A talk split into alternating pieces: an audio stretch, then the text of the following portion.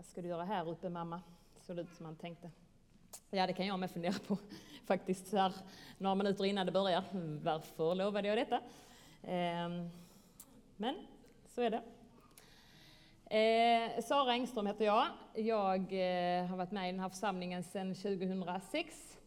Jag bor utanför Örkelljunga med min man och våra två barn Simon och Vera. Ehm, och jag ehm, ska prata om det här temat att följa och bli sänd. Lärjungatema kan man säga.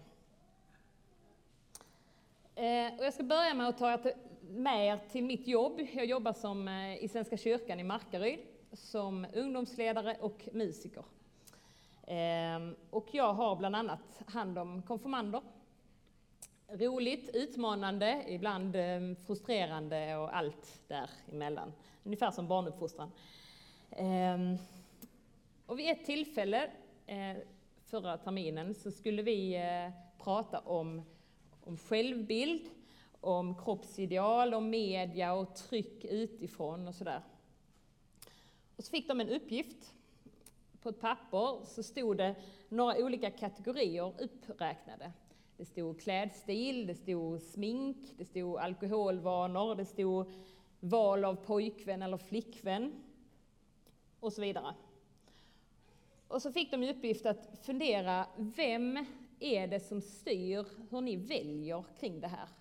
Vem är det som bestämmer vilka kläder du tar på dig? Eller vem är det som bestämmer hur mycket du sminkar dig? Um, är det du själv? Är det dina kompisar? Är det dina föräldrar? Är det sociala medier? Eller är det kändisar? Jag kommer inte riktigt ihåg. Ungefär de ehm, valen fanns det. Och så gick vi igenom de här och pratade om hur de hade tänkt och vad de hade svarat.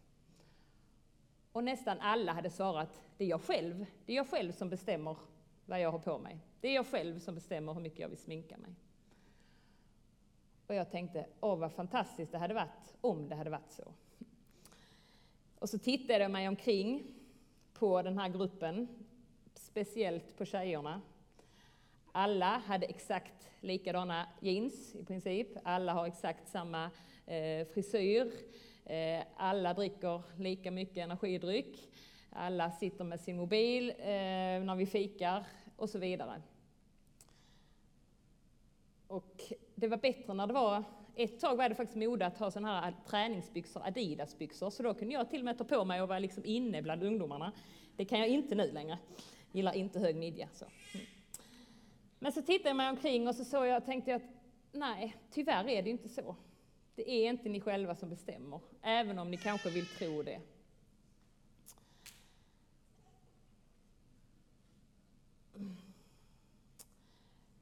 För det finns väldigt många idag som säger till både ungdomar och till oss lite äldre att följ mig.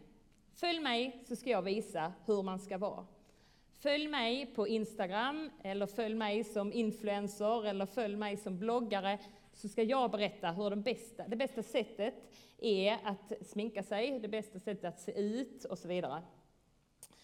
Eh, och jag kan bara titta ibland på Instagram speciellt och titta på de eh, som har, blivit, som har varit konfirmander för några år sedan och som lägger ut de här selfies med putande både läppar, bröst, rumpa, allting. Och det är det enda de lägger ut. När man går igenom deras eh, liksom, historik så är det det enda de lägger ut. Och så ska alla skriva då, åh finis, nej du är finast, finis, sötis, ja så. Um, Och så tänker jag att, åh, vad det, vad det finns mycket utifrån som påverkar oss. Och att det är väldigt svårt att vara ung idag och våga kanske gå mot strömmen. När man kanske inte vill vara exakt likadan som alla andra. Men att kliva av den där, kliva ifrån den eh, likheten, det kan vara väldigt svårt. Och det kan vara väldigt svårt att skilja ut vad som faktiskt är bra att följa och vad som inte är bra. I texten som Josefin läste så finns det en som säger följ mig. Ja, hon vill följa mig hela tiden. Eh, trevligt att någon vill vara med Det finns en som säger följ mig. Och han sa inte det bara till de människorna som fanns runt omkring honom då, fysiskt, utan han säger det till alla människor. Han säger det till oss idag. Och han som säger följ mig, det är en som säger jag älskar dig precis som du är. Du är värdefull för just den du är, för att jag har skapat dig. Så fantastiskt underbar. Och när jag träffar alla de här ungdomarna så önskar jag verkligen att de bara skulle få, få förstå vilken fantastisk Gud som, som säger följ mig till dem och som de kan få leva sitt liv med. Och som de kan få vila hos när det liksom all annan press utifrån kommer till dem. Att det skulle få landa i deras hjärtan. Att han säger, jag älskar dig. Jesus säger till oss, till alla åldrar, jag älskar dig och du får följa mig. Jag vet inte om det var lättare eller svårare för personerna som blev kallade då, när Jesus levde här, som blev kallade av den fysiska personen Jesus, att verkligen ta beslutet att följa honom. Situationen var såklart en helt annan. Då var det ofta väldigt förutbestämt vad man skulle jobba med, för man tog ofta sina föräldrars yrke. Man bodde på den platsen där man hade växt upp oftast. Man gjorde inga jorden runt-resor direkt. Man eh, eh, pluggade inte utomlands så liksom, utan man höll sig i det, det området. Eh, men jag tänker också att gå utanför den ramen, att göra något helt annat, det väckte nu också väldigt stor uppmärksamhet. Eh, och jag tänker för mig själv att det kanske inte var ett riktigt så lätt beslut som det låter i texten. Det är liksom så att Jesus går förbi och säger ”Häng med!” ”Ja, ja, okej okay då”. Liksom. Tänker, ah, de funderar nog några gånger till sådär. Eh, ska vi, det, eh, men, eh, där, mm. vad ska alla andra tänka och hur blir det här? Och, eh, ja, ni vet, typ. Idag kan istället alternativen kännas oändliga. Ehm, det finns så många val idag. Vi kan välja allt och lite till ungefär. Och det är väldigt lätt att tänka att Jesu ord följ mig försvinner i allt detta brus. Att det inte kan stå sig i konkurrensen om alla andra som säger följ mig. Eh, alla andra som vill ha följare. Men så blir jag så uppmuntrad och påmind om att jo, det går faktiskt idag också. Det kan liksom. Det finns de som hör Jesu ord, följ mig, idag också. Det finns väldigt många. Men man kan, både de här som, eh, som man hör om, eh, kändisar, Sebastian Staxet bland annat, som lämnade kriminalitet, droger, ett helt förskräckligt liv, som fick möta Jesus och som bara sa att nu vill jag följa dig och som berättar om detta för så många människor och som hjälper ungdomar som har det otroligt trassligt och som får berätta om Jesus för dem. Eh, och som verkligen berättar om vad han har varit med om för många. Eh, men jag kan också bli så otroligt glad när det kommer en konfirmand och på vårt sista läger inför konfirmationen kommer och säger Sara, kan du be för mig? För jag tror att jag tror att jag tror på han, den där Jesus. Då är det liksom värt det. När man ibland bara tänker att, ah, men varför står jag här och berättar om detta? De vill ju egentligen vara någon helt annanstans. Och så får man en som säger att, ja, jag har nu fattat det där. Det har nu landat. Då blir man bara, japp, jag gör det en gång till.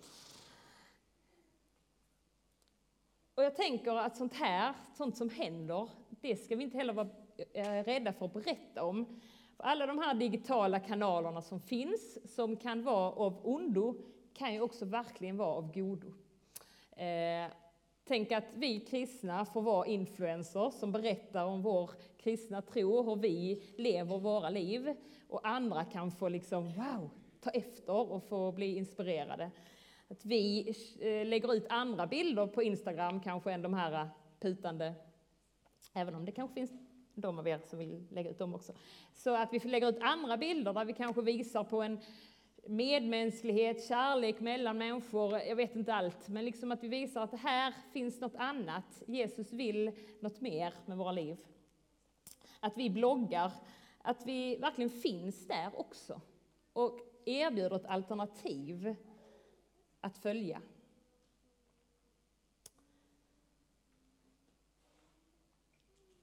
Jesus vill att vi följer honom. Och det är inte för att han vill ha så många följare som möjligt på sin siffror där, eh, story. För han vet att han är vägen med stort V. Han vet att han är den enda vägen som leder till evigt liv. Tillsammans med honom. Han vet att det han gjorde på korset, det räcker för alla människor. Han vet att Guds tankar och planer är de bästa för oss, även om vi inte alltid förstår det själva. Han vill inget hellre än att vara med sina älskade barn, som han bara vill ha kring sig. Men ibland kan man ju känna själv att give me some space. Han vill bara hoho, kom, kom. Så. Mycket att lära.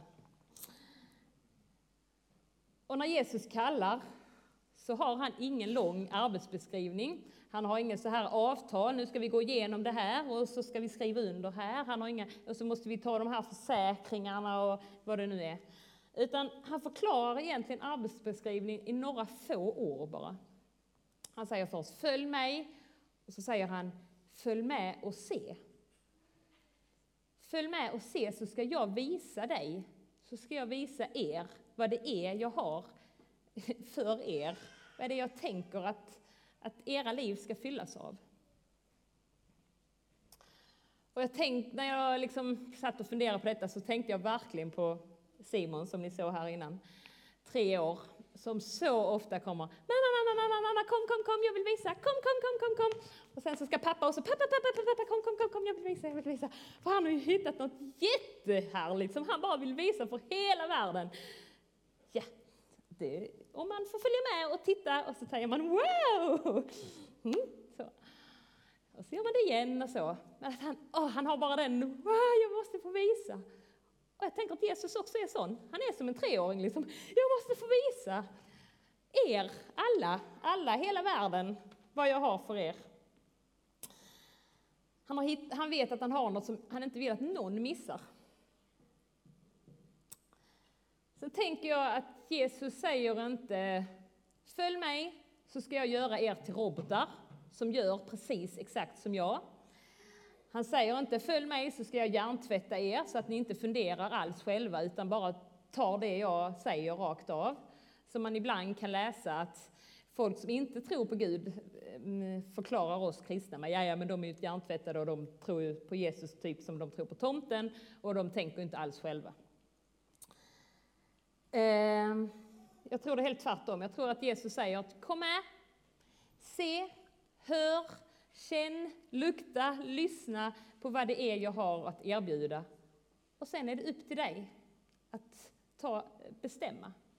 Det är upp till var, människa, var och en människa att faktiskt göra ett val. Gud tvingar ingen att vara med honom, men han vill vara med alla. Den, den eh, friheten ger inte riktigt Simon när han kommer och ska visa något.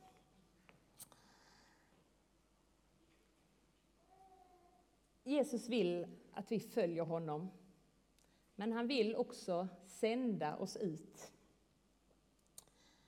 Och jag ska läsa från Lukas 5, 1-11. Och nu inser jag att jag ser om jag har eh, skrivit upp samma eh, översättning ah, det är nytt typ i alla fall. Vi tar så här, annars får ni stå ut med det. En gång när han stod vid Genesarets sjö och folket trängde på för att höra Guds ord fick han se två båtar ligga vid stranden. Fiskarna hade gått ut för att skölja näten. Han steg i den ena båten, som tillhörde Simon, och bad honom att ro ut ett litet stycke. Sen satte han sig ner och undervisade folket från båten. När han hade slutat tala sa han till Simon, ro ut på djupt vatten och lägg ut näten där. Simon svarade, men mästare, vi har hållit på hela natten utan att få något. Men eftersom du säger det så ska jag lägga ut näten igen. Och de gjorde så och drog ihop en väldig mängd fisk. Näten var nära att brista. Och de vinkade åt sina kamrater i den andra båten att komma och hjälpa till. De kom och man fick så mycket fisk i båda båtarna att de höll på att sjunka. Då kastade sig Simon Petrus ner vid Jesu knä och sa Lämna mig, Herre, jag är en syndare. Ty han och de som var med honom greps av bävan när de såg all fisk de hade fångat. Likaså Jakob och Johannes, Sebedaios söner, som hörde till samma fiskelag som Simon. Men Jesus sa till Simon, var inte rädd. Från denna stund ska du fånga människor. Då rodde de i land, lämnade allt och följde honom.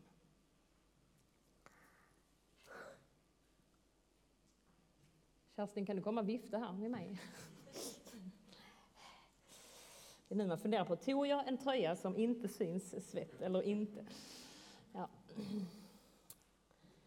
När jag tidigare jobbade som journalist så blev jag ofta utsänd på uppdrag. Åk dit, träffa den här personen, titta på den här matchen eller ring den här spelaren och skriv sen en artikel om detta.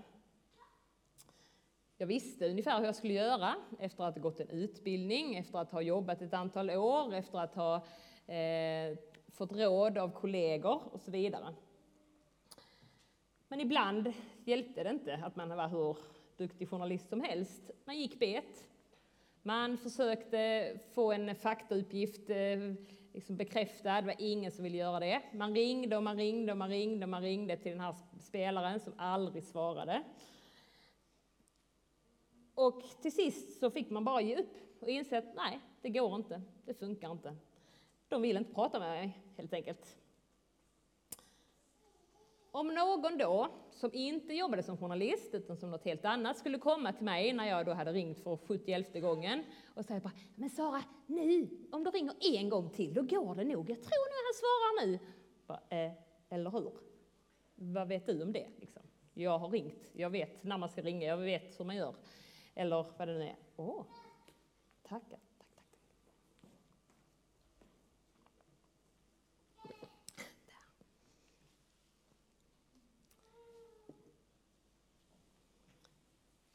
Så hade jag nog sagt att förklara tack för omtanken, men jag tror faktiskt inte att det är lönt att jag gör det. Jag tänker att det var precis så här det var för Petrus i den här texten som jag precis läste. Han var fiskare. Han hade säkert jobbat sedan han var typ så här liten och följde med sin pappa ut i båten. Han visste hur man skulle göra när man fiskar. Och så kommer det en man som är snickare, som kanske inte kan ett dugg om fisk, fiskeri. Och så säger jag, men nej, alltså åk ut en gång till och släng ut näten. Och de bara, men hallå, det är ju snart morgon, det är alldeles för sent för att göra detta. Alltså, fattar du väl? Vi kan inte göra det en gång till, vi, oh, vi är trötta liksom. Och så måste de ha tänkt, så står det inte i Bibeln, men jag tänker att eh, de tankarna kom nog även hos Petrus. Att, mm, mm, sväljer jag några gånger, så ja, ja. Mm.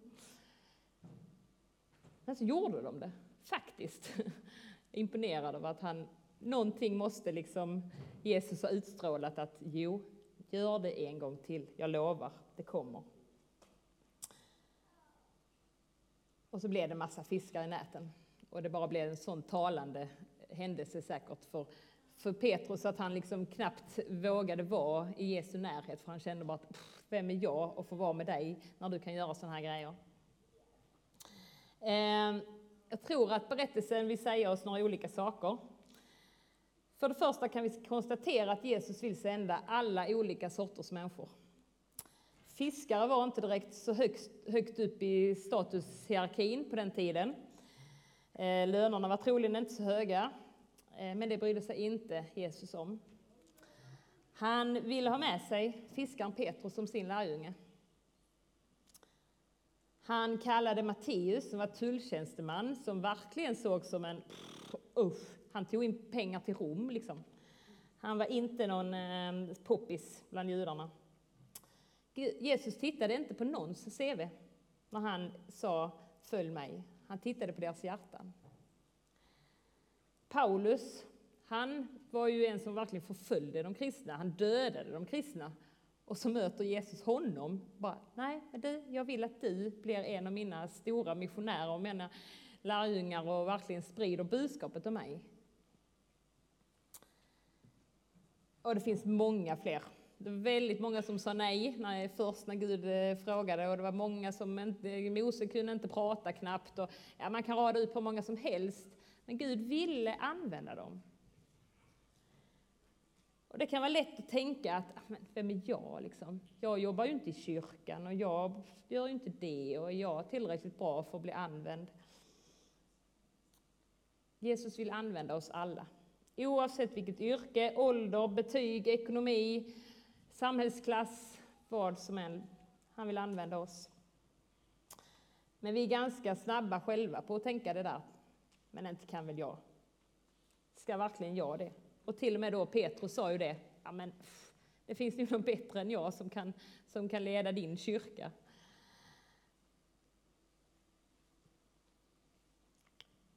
Och nej, själva kan vi inte.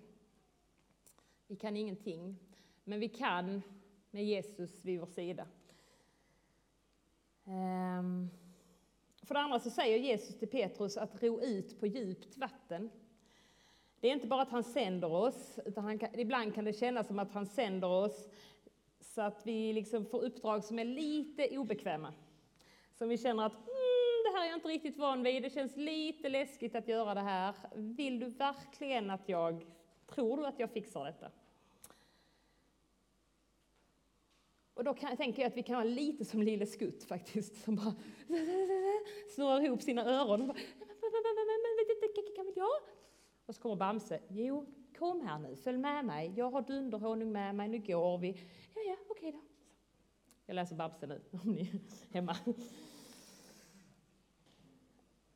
Han får med sig världens starkaste björn och då vågar Lille Skutt ut på en massa äventyr, gör de. Eh, och tänk, vi får inte bara ha med oss världens starkaste björn, utan vi får med oss Jesus, Gud som har all makt i himlen och på jorden. Ehm, och därför drunknar vi inte. Därför, och om vi de gånger vi misslyckas så säger bara Gud att ja, men kom här, vi gör det igen. Jag hänger med dig igen, vi provar en gång till. Liksom. Jag håller dig i handen, du får gå med mig. Och då blir utsikterna helt andra. Tänk att vi får ha den heliga Ande här i ryggsäcken när vi går. Ehm, men vad är det då Gud vill sända oss till? Ja, till Petrus säger han att han ska bli människofiskare. Det vill säga leda människor till tro och in i den kristna gemenskapen. Och hur gör man det? Handlar det bara om att predika? Ja, förhoppningsvis är det en bra grej eftersom jag står här. Ehm, och Jesus predikade både ofta och länge och sa fantastiska saker. Eh, och han sa till sina lärjungar när han steg upp till himlen att ni ska undervisa, ni ska lära människorna allt det jag har lärt er. Men jag tror också vi ska göra mer. När Jesus fick frågan vad går lagen ut på? Så sa han att älska Gud och älska medmänniskorna. Det vill säga, det räcker inte att bara predika budskapet om Jesus. Vi måste också försöka leva och agera som han gjorde. Och jag tror, nu är det en fri spekulation här igen, eh, att det som gjorde allra störst intryck på lärjungarna, det var inte vad Jesus sa, utan det var vad han gjorde. Och jag tänker att det var därför han, de vågade följa honom, för de hade sett att hmm, här är någon som inte är som alla andra. De hade kanske redan sett honom visa sån kärlek till människorna som bara ingen annan kunde visa. Hade, och sen fick de se hur han helade människor, hur han kom till de människorna som ingen annan ville prata med. Eh, han såg Sackeus uppe i trädet, han gick till kvinnan vid brunnen som ingen annan ville prata med. Eh, han helade till och med de spetälska som ingen liksom ens ville komma nära. Och det gjorde ett sånt intryck på lärjungarna, tror jag. Jag tänker faktiskt, alltså ursäkta att jag tar barnreferenser här, men Jag tänker att det är lite som barnuppfostran. Man kan säga en sak väldigt många gånger. Och gör man sen en gång tvärtom själv, vilket tror ni att de gör, barnen? Följer de efter det jag har sagt eller det jag gör? Det jag gör såklart. De gör, hur man, eh, de gör inte vad man säger, utan de gör vad man gör. Därför ska man alltid ha två räfsor med sig om man ska få något gjort. Och jag tänker så ofta på de här fyra bokstäverna som finns på armband, som finns lite överallt och som har eh, funnits länge, men som ja, det är så aktuellt och det håller alltid egentligen. WWJD. What would Jesus do? Vad skulle Jesus ha gjort? Om jag hade följt det i många fler situationer än vad jag gör så hade jag, ah, det hade ju blivit så mycket bättre.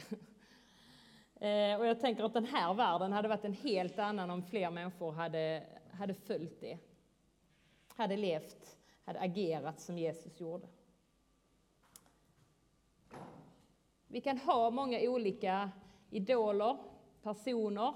Vi kan följa en influencer som verkligen ger oss mervärde i livet, som peppar oss, bloggare som säger superbra grejer och som verkligen kan få mig att få eh, må bättre och vad det nu är. Men den absolut viktigaste ledstjärnan, det är Jesus. Det är han vi ska följa. Vi ska umgås med Jesus för att kunna efterlikna honom i så stor utsträckning som möjligt. Och därmed tjäna Gud precis som Jesus gjorde. Och hur gjorde han då? Följ med och se. Följ med Jesus. Ha Jesus med i ditt liv och se vad han vill. Avslutar med några verser från Romarbrevet 8. Vi vet att Gud på allt sätt hjälper dem som älskar honom att nå det goda, de som han har kallat efter sin plan. Till dem han i förväg har utvalt har han också bestämt till att formas efter hans sons bild så att denne ska vara den förstfödde bland många bröder. Dem han i förväg har utsett har han också kallat, och dem han har kallat har han också gjort rättfärdiga, och dem han har gjort rättfärdiga, dem har han också skänkt sin härlighet.